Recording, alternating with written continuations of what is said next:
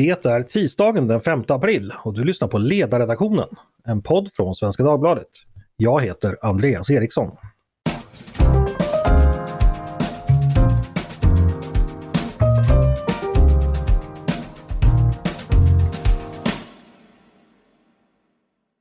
Varmt välkomna ska ni vara.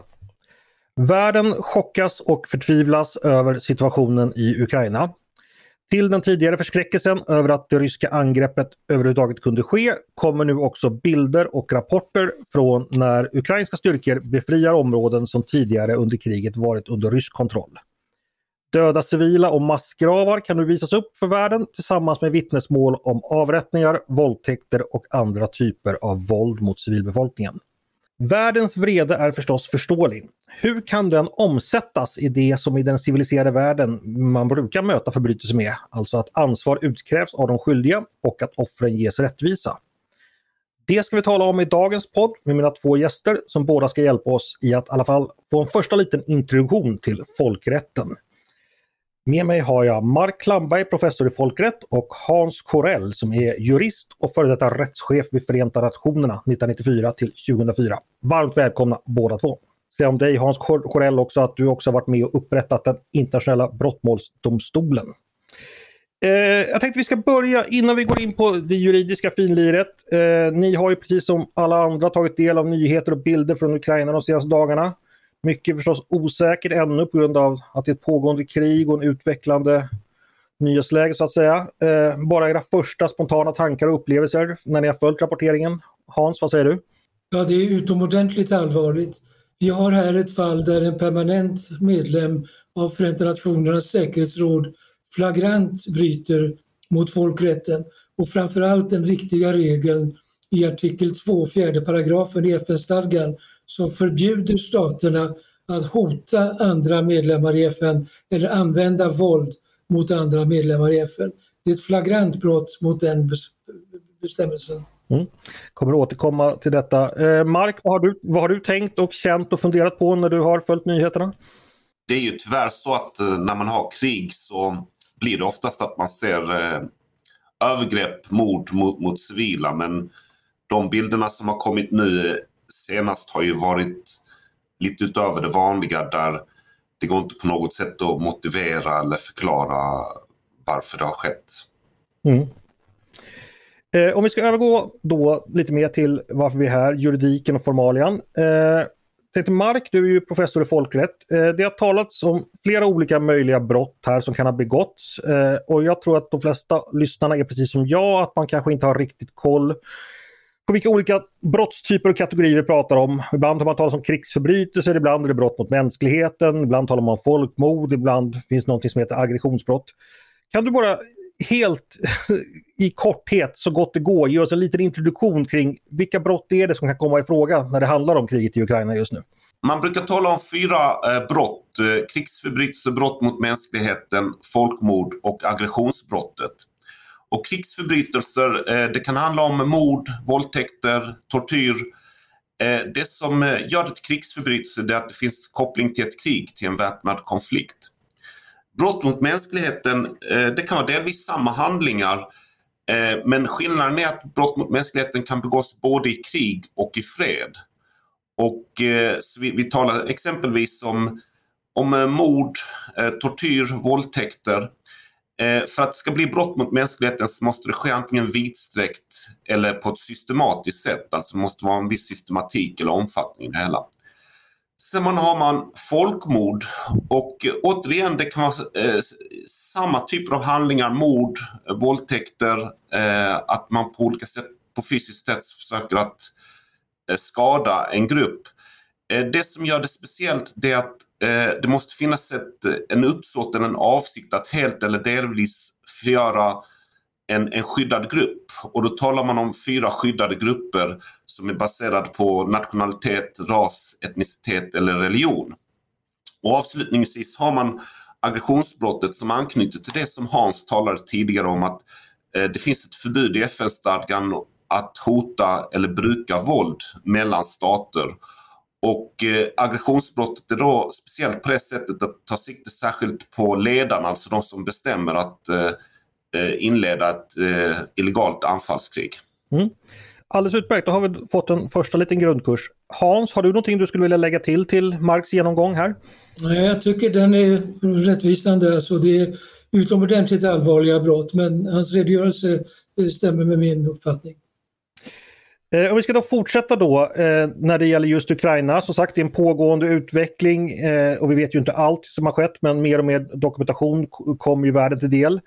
När det då gäller hur civila har behandlats eh, så har vi då sett flera eh, överträdelser. Vi har sett angrepp på civila bostäder och institutioner som sjukhus. Vi har sett döda civila där en del verkar helt enkelt ha blivit eh, avrättade.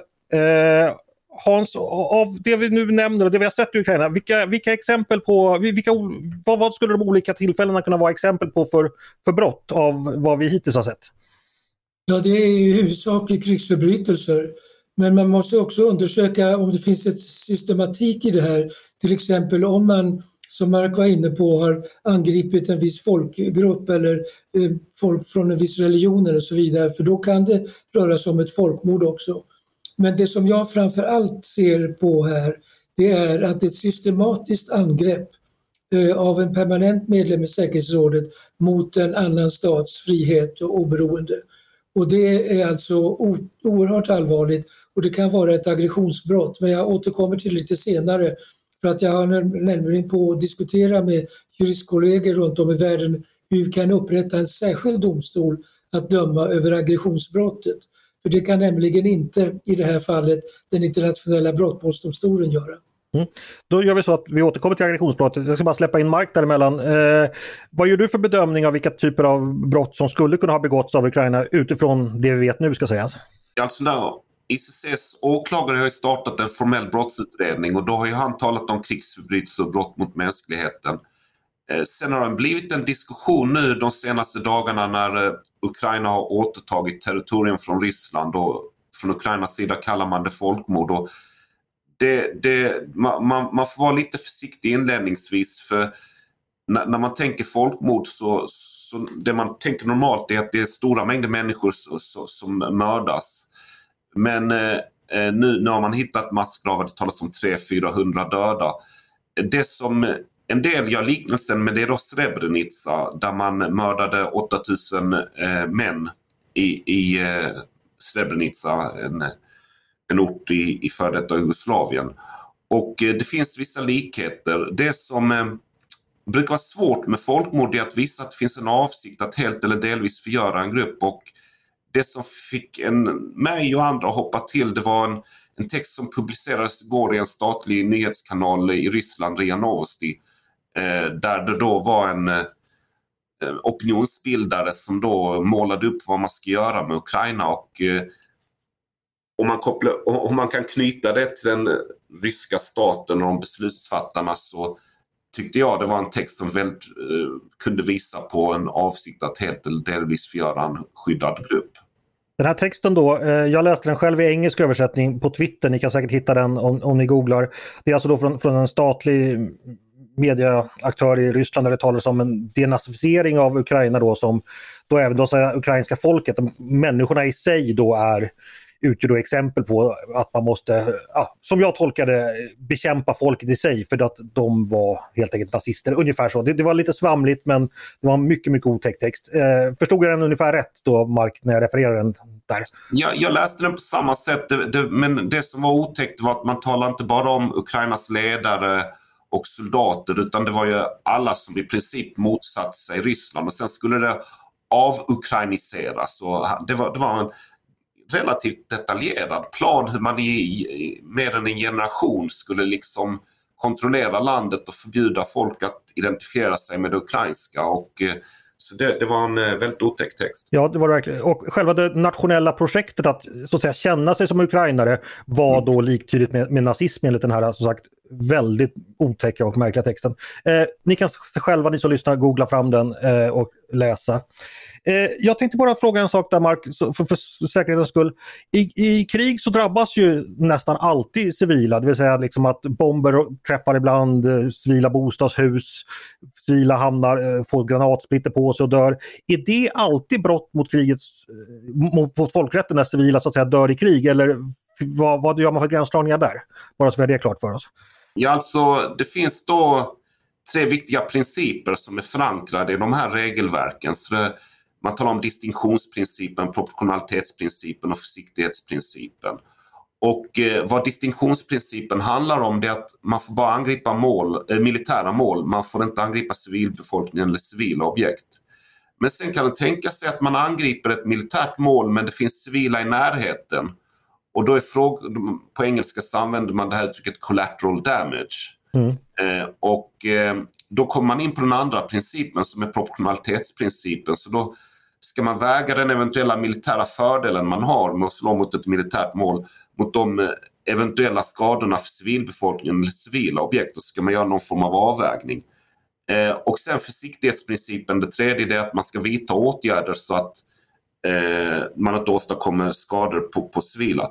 Så för, för att eh, då ge, ge, ett lite kortare svar, så man kan tänka sig att en, en del skador ehm, um, och eh, civila dödsfall um, kan då vara, vara att man har brutit mot någon av de här principerna men det kan också vara så att man har varit försiktig, man har iakttagit proportionalitetsprincipen men det har ändå blivit skador på civila och det är då inte per automatik en krigsförbrytelse. Mm. Eh, en sak jag också tänker vi ska försöka klarlägga lite, vi behöver absolut inte gå in i jättedetalj på det här, men Hans om du kunde hjälpa oss lite med, när, när vi pratar om lagar och principer och åberopar olika, olika saker. V vad hämtar vi så att säga? Vad är det för lagar och vad är det för rättskällor vi, vi tänker oss då? Det är en mängd olika internationella fördrag vet jag. Kan du bara, ja, så, om det går att sammanfatta lite kort vilka olika typer av, av urkunder vi har att göra med så att säga? Ja, det är flera. Jag har redan nämnt FN-stadgan som är det grundläggande dokumentet och den ska vi ha respekt för, för den förhandlades fram av en generation som hade upplevt två världskrig. Och syftet var just att man inte skulle utsätta människorna för det här som de hade gått igenom. Och jag har redan hänvisat till den viktiga eh, andra eh, artikeln i FN-stadgan. Men sen har vi också nyare regler här, inte minst på straffrättens område. Och där är ju Romstadgan om den internationella brottmålsdomstolen ett oerhört viktigt element. Vi fick ju Jugoslavientribunalen och Rwanda-tribunalerna på 90-talet men då kom man fram till att äntligen så måste vi samlas här och grunda en stående internationell brottmålsdomstol. Och det lyckades FN göra i Rom eh, 1998, den så kallade Romkonferensen. Och den stadgan trädde i kraft på rekordtid. Redan den 1 juli 2002 så trädde Romstadgan i kraft. Och det är just den stadgan som åklagaren kan åberopa nu när han har börjat utreda brott i Ukraina. Och det är numera 141 eh, stater som har bett åklagaren att göra den här utredningen. Så han kan gå rakt på sak här. Och jag har tittat på hans hemsida. Det är ett stort system för hur offer och vittnen och andra kan rapportera och anmäla till domstolen så att de kan börja utreda de här frågorna. Så att det här kommer att bli ett jättearbete, inte minst därför att man i dagens läge har helt andra möjligheter att framställa bevisning genom fotografier, inspelningar och så vidare. Men överhuvudtaget så är det de gamla reglerna som gäller när det gäller brottsutredningar och det är i huvudsak då vittnesmål och andra frågor som kan komma upp där. Och sen så finns det många som engagerar sig på det här området. Jag fick just höra att utrikesministrarna tydligen ska träffa åklagaren i internationella brottmålsdomstolen och diskutera med honom hur man ska förfara. Och jag vet också att det finns ett nätverk som de kallar för, vi ska se här hur man säger på svenska, det heter alltså The Global Accountability Network, det globala ansvarsnätverket. Och det här nätverket det är ett konsortium av universitet och andra organisationer som är bemannat av akademiker, praktiker, juriststudenter och doktorander som förbereder brottmål mot statschefer och deras handläggare, hantlangare i olika länder. Så det här kommer att publiceras om några dagar har jag hört genom kontakter i USA. Så att det är alltså ett oerhört omfattande arbete grundat på de här reglerna som jag nämnde. Sen har vi ju naturligtvis också folkmordskonventionen som antogs 1948 eh, av Förenta Nationerna som förbjuder folkmord som Mark har berättat om här. Så det är oerhört viktigt. Och det finns också andra stadgor som man kan titta på och dra paralleller med, inte minst de från de domstolar som har upprättats här, Jugoslavien och Rwanda. Och inte minst i det här fallet viktigt, den särskilda domstolen för Sierra Leone som jag hade förmånen att få förhandla fram på Kofi Annans uppdrag år 2002. Mm. Då har vi fått en liten eh, crash course i, i vad som så att säga, formellt ligger bakom. Mark, vill du lägga till någonting där? Eh, eller ja, vidareutveckla någonting av det som, som Hans säger? Ja, alltså de här eh, domstolarna och deras stadgar har ju varit enormt viktiga. Sen eh, i botten för dem när man antog de stadgarna så hade man ju de så kallade Genève och Haagreglerna som reglerar krigets lagar. Så, eh, och eh, det är ju då konventioner men sen har man något som kanske är lite obekant för era lyssnare. Man har också något som kallas sedvanerätt, det är statspraxis. Så när man då formulerar de här domstolarnas eh, stadgor och definierade brott så, så tittar man ju på de här dokumenten och även i någon bemärkelse uppfattar statspraxis. Mm. Mark, i vilken utsträckning har Ryssland tidigare accepterat den här rättsordningen som ni, ni pratar om? Ja, alltså de var ju med och grundade FN och eh, är en permanent medlem så på det sättet är de i alldeles högsta grad eh, inblandade och deltagare i projektet. Sen har man ju de här eh, Genèvekonventionerna som de också är anslutna till. Eh, de var också med och upprättade de här tribunalerna för detta Jugoslavien och Rwanda. Det var ju då av FNs säkerhetsråd och där var ju Ryssland en av medlemmarna. Sen eh, när det gäller internationella brottmålsdomstolen så är det tyvärr så att eh, flera av stormakterna är inte anslutna. Frankrike och Storbritannien är anslutna men USA, Ryssland och Folkrepubliken Kina är inte anslutna. Och det skapar ju eh, svårigheter sen när man ska genomdriva det här. Mm. Eh, jag tänkte vi ska återknyta till någonting som Hans pratade om tidigare, nämligen det som kallas aggressionsbrottet då, som vad jag förstod det var ingenting som idag kunde prövas för den internationella brottmålsdomstolen. Eh, förstod jag det rätt då Hans? Ja, just det. det. Det brottet det kom inte till i Rom utan det sköt man på och förhandlade fram en lösning som kom 2010. Men den bestämmelse som man har antagit och fört in i stadgan är utomordentligt komplicerad. Och den bestämmelsen bör enligt min mening och många med mig, den bör ses över. Men just i det här fallet så är vad man ska ta fasta på det är att för att man ska kunna döma någon för aggressionsbrottet då måste den personen vara medborgare i ett land som har anslutit sig till Romstadgan. Och som Marx sa så har Ryssland inte gjort det. Men då har vi den intressanta situationen att både i Ukrainas strafflag och i den ryska strafflagen så finns aggressionsbrottet. Och då kan man sätta upp en särskild domstol, för den internationella brottmålsdomstolen kan inte pröva det, men man kan sätta upp en särskild domstol. Och här har jag alltså en mycket bestämd uppfattning grundad på mitt arbete i Förenta Nationerna jag fick förhandla fram, som jag nämnde, avtalet med Sierra Leone om den särskilda domstolen där och avtalet med Kambodja om de särskilda kamrarna i Kambodjas domstolar. När det gäller Sierra Leone så var det säkerhetsrådet som bad Kofi Annan att ordna den här förhandlingen. Det går ju inte nu på grund av det tyska, ryska vetot. Men det som hände med Kambodja var att där vände man sig till generalförsamlingen och det var generalförsamlingen som bad generalsekreteraren att förhandla fram avtalet som jag fick arbeta fram. Och då menar jag här att om Ukraina vill ha en särskild domstol för just aggressionsbrottet så kan Ukraina vända sig till generalförsamlingen i förhoppningen om att de 141 stater som röstade för resolutionen mot eh, den ryska aggressionen den 2 mars i år, om de röstar för den, då kan man be FN att förhandla ett avtal med Ukraina om en särskild domstol och det kan vara klart på nolltid. Därför att om man ska förhandla fram en hel konvention om en särskild domstol så kan det ta månader för att inte säga år.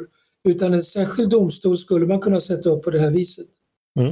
Eh, Mark, vad säger folkrättsprofessorn om vägen framåt här som Hans föreslår? Nej, jag har en fråga till Hans. För, för, du var ju med och satte upp den här eh, särskilda domstolen i Kambodja. Eh, och eh, jag uppfattar ju att det är ju en domstol, så det är i och för sig ett avtal med FN. Men i någon bemärkelse så är den ändå förankrad i kambodjansk rätt och i någon bemärkelse en kambodjansk domstol. Alltså man har ju utländsk, man har ju en blandning av inhemska och utländska domare, en blandning av inhemska och utländska åklagare. Men i grund och botten så är det väl ändå en kambodjansk domstol. Och det är väl lite så jag ser på det här eh, förslaget om att man ska sätta upp en domstol i ett avtal mellan Ukraina och låt säga FN eller kanske Ukraina i samarbete med Europarådet, att det blir ändå förankrat i ukrainsk rätt. Har, har du samma uppfattning? Nej, alltså, jag är mycket kritisk mot resultatet i Kambodja.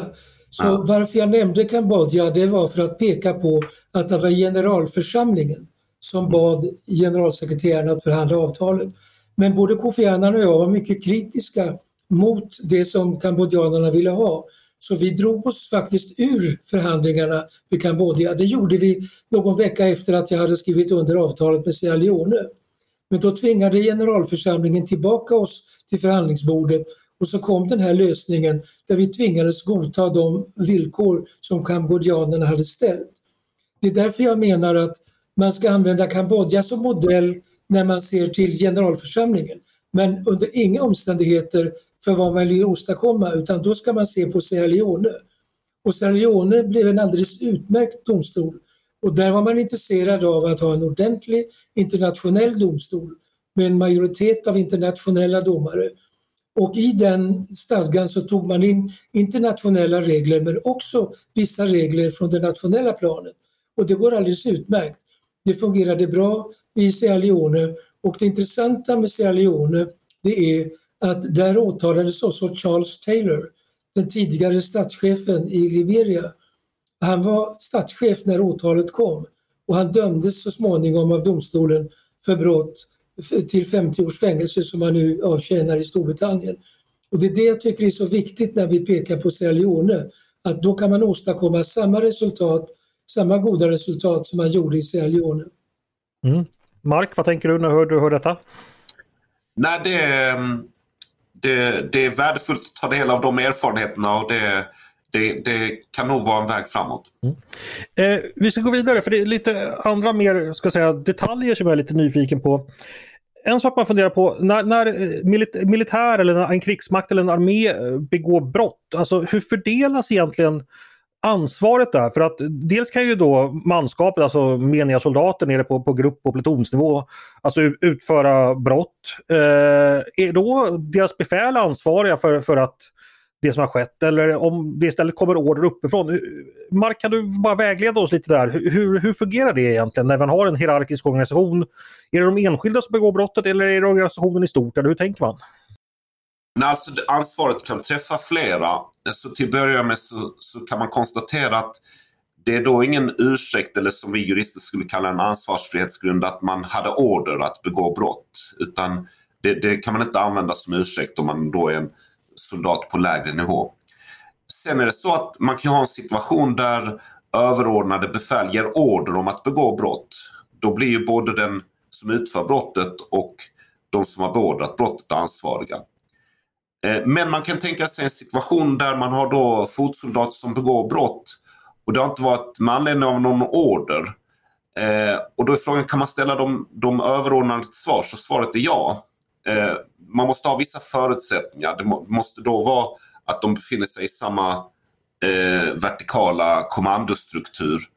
Eh, den som var överordnad måste ha känt till eller haft anledning att känna till att de här brotten begicks och den överordnade har då varit passiv men kunde ha förhindrat att det här skett eller kunde ha i efterhand utrett och eh, bestraffat det här. Och eh, om man då uppfyller de här kraven så kan även en överordnad ställas till svars för om underlydnaden har gjort. Och eh, så på det sättet kan man arbeta sig upp i, i en befälsstruktur. Mm.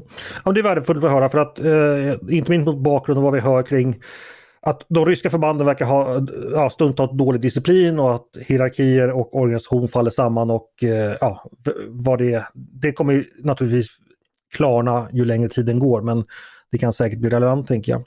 Eh, jag tänkte att vi skulle titta lite mer på historien. Du har redan, vi har redan nämnt Srebrenica. Eh, Hans, du var ju i Jugoslavien på 90-talet. Eh, då var du där som rapportör för det som då hette ESK, det som idag heter OSSE. Eh, och det var, du var en av de som föreslog att man skulle inrätta en internationell tribunal då. Eh, om vi jämför Jugoslavien då och Ukraina nu, likheter och skillnader, hur tänker du Hans?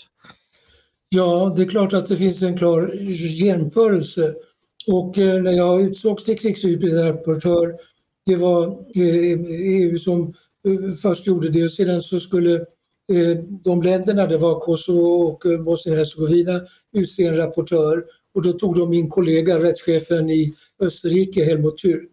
Och vi skulle utse en tredje rapportör och för oss var det ju självklart att det ska bli en kvinna. Så vi vände oss till Norge och fann Gro Hillestad Thune där som var deras medlem i den Europeiska kommissionen om mänskliga rättigheter. Och vi arbetade mycket snabbt. Vi besökte Jugoslavien eh, på hösten eh, 1992 och såg ju vad som hade förekommit där. Och då föreslog vi att de skulle utse en juristkommission för att arbeta ut en stadga för en internationell brottmålsdomstol. Men ingenting hände så att i november samma år så erbjöd oss vi oss tre att vi skulle arbeta ut ett förslag och det accepterades av ESK den 15 december 1992. Och eh, då så la vi fram det här förslaget i den 13 februari vill jag minnas, eh, 1993 Eh, till ESK. Men de skickade omedelbart över förslaget till FN därför att säkerhetsrådet hade börjat studera den här frågan. Och säkerhetsrådet beslöt redan ett par veckor senare att inrätta Jugoslavientribunalen. Men skillnaden här, det var att i Jugoslavien så var det närmast ett inbördeskrig. I det fall vi har nu i Ukraina så har vi som jag nämnde en permanent medlem av säkerhetsrådet gör sig skyldig till ett flagrant brott mot FN-stadgan. Och det är oerhört allvarligt. Eh, vänder mig till dig Mark och vi också tittar tillbaka på 90-talet, eh, både Jugoslavien, vi har ju också eh, Rwanda som ett annat exempel. Eh, hur mycket lärdom och erfarenheter från den tiden spelar roll idag och, vad, vad, ja, och vilka skillnader skulle finnas i övrigt? Ja, alltså man har ju lärt sig hur man ska utreda och genom, utreda den här typen av brott och genomföra rättegångar. Så mycket av eh, internationella brottmålsdomstolen, de, de är inte identiska men de har ju både när det gäller eh, arbetsförfarande men även eh, personerna som jobbar där har man ju ta, dragit nytta av eh, det arbete som gjordes på 90-talet beträffande eh, då före detta Jugoslavien och Rwanda.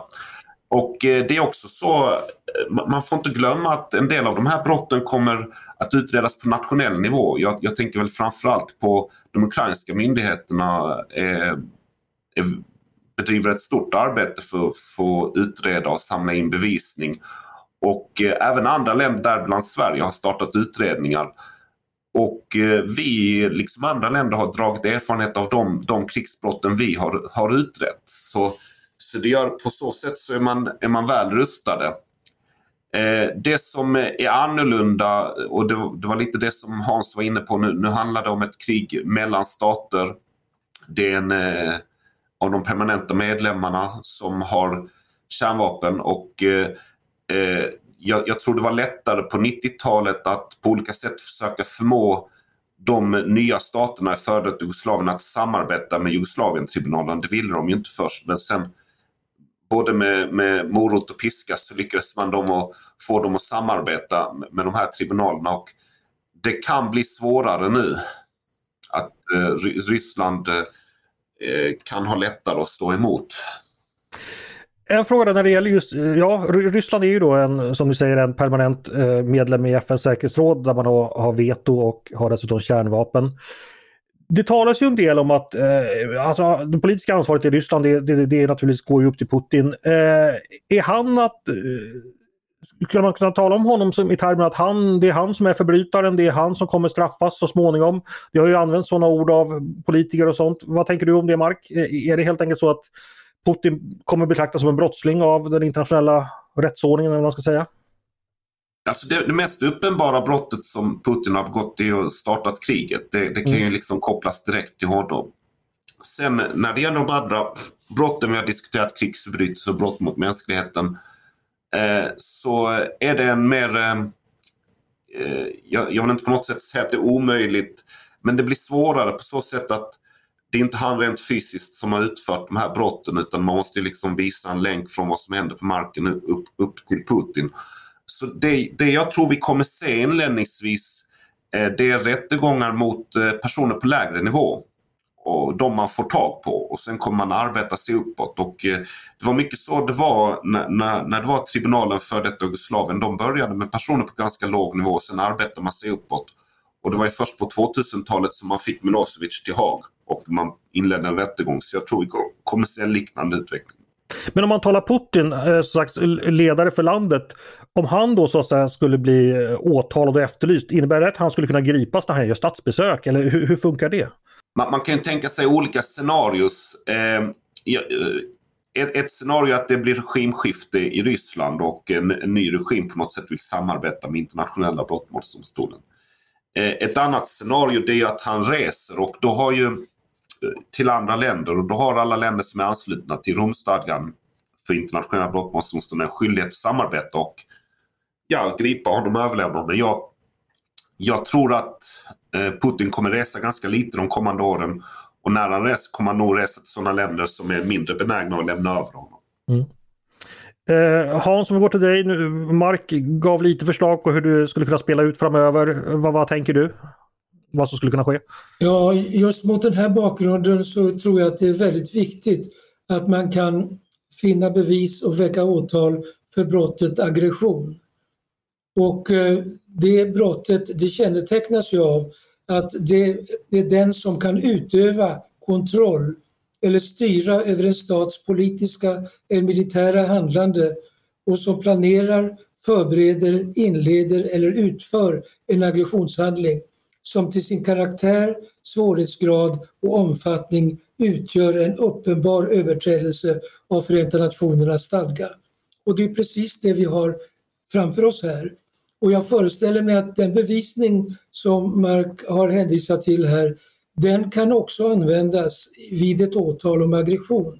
För att då kan man lägga samman de här elementen för att göra en bedömning av aggressionsbrottets svårighetsgrad. Sen måste naturligtvis, som i alla brottmål, en ordentlig utredning göras så att bevisningen kan knytas till gärningsmannen i det här fallet. Men när jag ser på systemet som man har lagt upp i internationella brottmålsdomstolen så tror jag att det är en utomordentligt seriös behandling som väntar. Och vi kommer att få ett enormt efterarbete här därför att bevisningen kommer ju vara överväldigande från olika håll och då ska den bedömas och all bevisning kanske inte kan godtas. Men just därför så är det viktigt att man kan gå igenom det här på ett ordentligt sätt och utreda det här. Men vad som jag framför allt tycker är tragiskt, det är att när vi såg att FN började fungera som det var tänkt i början på 90-talet, till exempel när Ryssland var med om att man inrättade Jugoslavien och Rwanda-tribunalerna. Och sen har vi kommit till den här situationen. Det är fullständigt oförlåtligt. Inte minst därför att mänskligheten står inför så allvarliga andra utmaningar som vi för närvarande har. Jag tänker närmast på befolkningsexplosionen. Vi var två miljarder människor på jorden när FN bildades. Vi börjar närma oss åtta nu. Och miljöförändringarna, där just igår så kom en ny rapport här om att vi måste göra någonting åt de här frågorna. Och de här båda sakerna, det är vad man i säkerhetsrådet kallar för threat multipliers. Alltså det som ökar på hotet mot mänskligheten. Det är sånt vi skulle koncentrera oss på och inte den här vansinnet som pågår nu i Ukraina. Mm. Eh, vi ska börja ta och runda av. Jag tänkte bara avslutningsvis fråga dig Mark, eh, med dina folkrättskunskaper, är det någonting du tycker vi som vanliga dödliga ska hålla utkik efter, hålla i huvudet där vi fortsätter följa nyhetsrapporteringen? Någonting som ibland kanske missas i den vanliga debatten som du tycker är viktigt att skicka med? Det är ju en välförtjänt diskussion om eh, hur man ska ställa de här personerna till svars. Eh, men man måste det, det, finns fler frågor eh, i det här sammanhanget. Det är ju hur man på olika sätt kan utöva påtryckningar eller förmå Ryssland att eh, avbryta det här kriget och dra sig tillbaka. Och eh, där har vi bland annat sanktionerna som är riktat både mot personer men även mot eh, den, den, den, den, ryska staten. Ehm, och eh, det är också viktigt att, att fundera lite var kommer den här konflikten att sluta? Hur kan vi få det här kriget att upphöra? För det är ju det är enormt viktigt med att åstadkomma rättvisa men nästan överordnat är ju att, att få till stånd fred så att fler, fler eh, för att rädda människor helt enkelt. Och eh, jag tror att eh, tyvärr att, att eh, det kommer bli svårt att få till stånd någon slutlig fredsöverenskommelse som löser alla de meningsskiljaktigheter det finns mellan Ukraina och Ryssland. Utan jag tror det kommer bli så att man måste på något sätt inse att vi kan, de kan inte komma överens om allt. Och vissa saker får man skjuta på framtiden. Och eh, det får bli någon form av vapenvila där man försöker återgå till hur det var före konflikten bröt ut. Så det är vad jag tror vi kan förvänta oss. Ja, jag delar den uppfattningen eh, som Mark redovisar här. Och vad jag vill framföra här, det var något som låg Kofi Annan mycket varmt om hjärtat.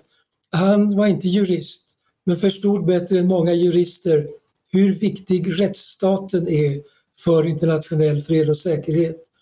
Och därför så måste vi arbeta oförtrutet mot rättsstaten. Och det finns numera en handledning för politiker om rättsstaten. Och det var Helmut Schmidt som gav mig idén till den handledningen vid en konferens för tidigare stats och regeringschefer år 2008. Och då bad jag Wallenberginstitutet i Lund och ett systerinstitut i Nederländerna att arbeta ut en kortfattad handledning för politiker om rättsstaten. Och den finns nu tillgänglig gratis på nätet. Eh, utan alltså, ersättning kan man ladda ner den och trycka ut den på 26 språk. Och jag föreslår att den intresserade googlar Rule of Law, a guide for politicians. Rule of Law, a guide for politicians. Då hittar ni den här guiden direkt. Och just nu är det intressant att den finns översatt både till ryska och ukrainska. Tack. Mm. Då tipsar vi om det. Eh, bara en avslutande fr fråga där. Eh, Mark, du nämner, eh, talade om fredsavtal och så vidare. Blir det inte någon slags krock här till slut mellan politiken, realiteten och juridiken så att säga? För att om Putin då är en brottsling, eh, sådana ska man ju då inte sluta avtal med utan de ska man ju sätta i fängelse. Nu kanske då politiken blir att det blir någon form av ändå förhandling om jag tolkar det rätt. Hur, hur ska man förstå den så att säga, vad som framstår som en paradox? Det är en paradox och det är något som eh, fler än mig eller vi har, har observerat tidigare. Man, man, skulle kunna uttrycka det som att det finns en spänning mellan å ena sidan fred och å andra sidan rättvisa. Och eh, jag, jag tänker exempelvis på när, när eh, kriget i Syrien bröt ut 2011. Dels fanns det en opposition i Syrien som ville att man skulle byta ut regeringen och eh, det var förhandlingar i Genève. Och då var det krav eh, från väst att eh, Assad måste bort. Eh, han förtjänar att vara i Haag. Och samtidigt skulle man vara i Genève och förhandla fram en fred med, med samma Assad, med samma regim. Och det, det, är inte den bästa förhandlingsöppningen med att säga att vi vill att ni ska skriva under det här fredsavtalet där du går med och åka till Haag. Eh, så, så, det finns en dilemma, det finns en spänning här. Och eh, jag, tror man kan hantera den på sådant sätt att låt säga att man får ett avtal om vapenstillestånd eller fred. Så i ett sådant avtal så kan man inte skriva in att du ska åka till Haag. Utan då måste man fokusera på att få till stånd fred. Och de här frågorna om rättvisa får man tyvärr hantera separat. Eh, och, eh, men, men det är liksom ett sånt återkommande dilemma. Mm det tror jag inte vi kommer lösa här och nu men det vet vi då i alla fall inför framtiden. Eh, idag har det i alla fall handlat dock om rättvisaspekterna och de formella möjligheterna så får vi ta oss an realpolitiken i en annan podd.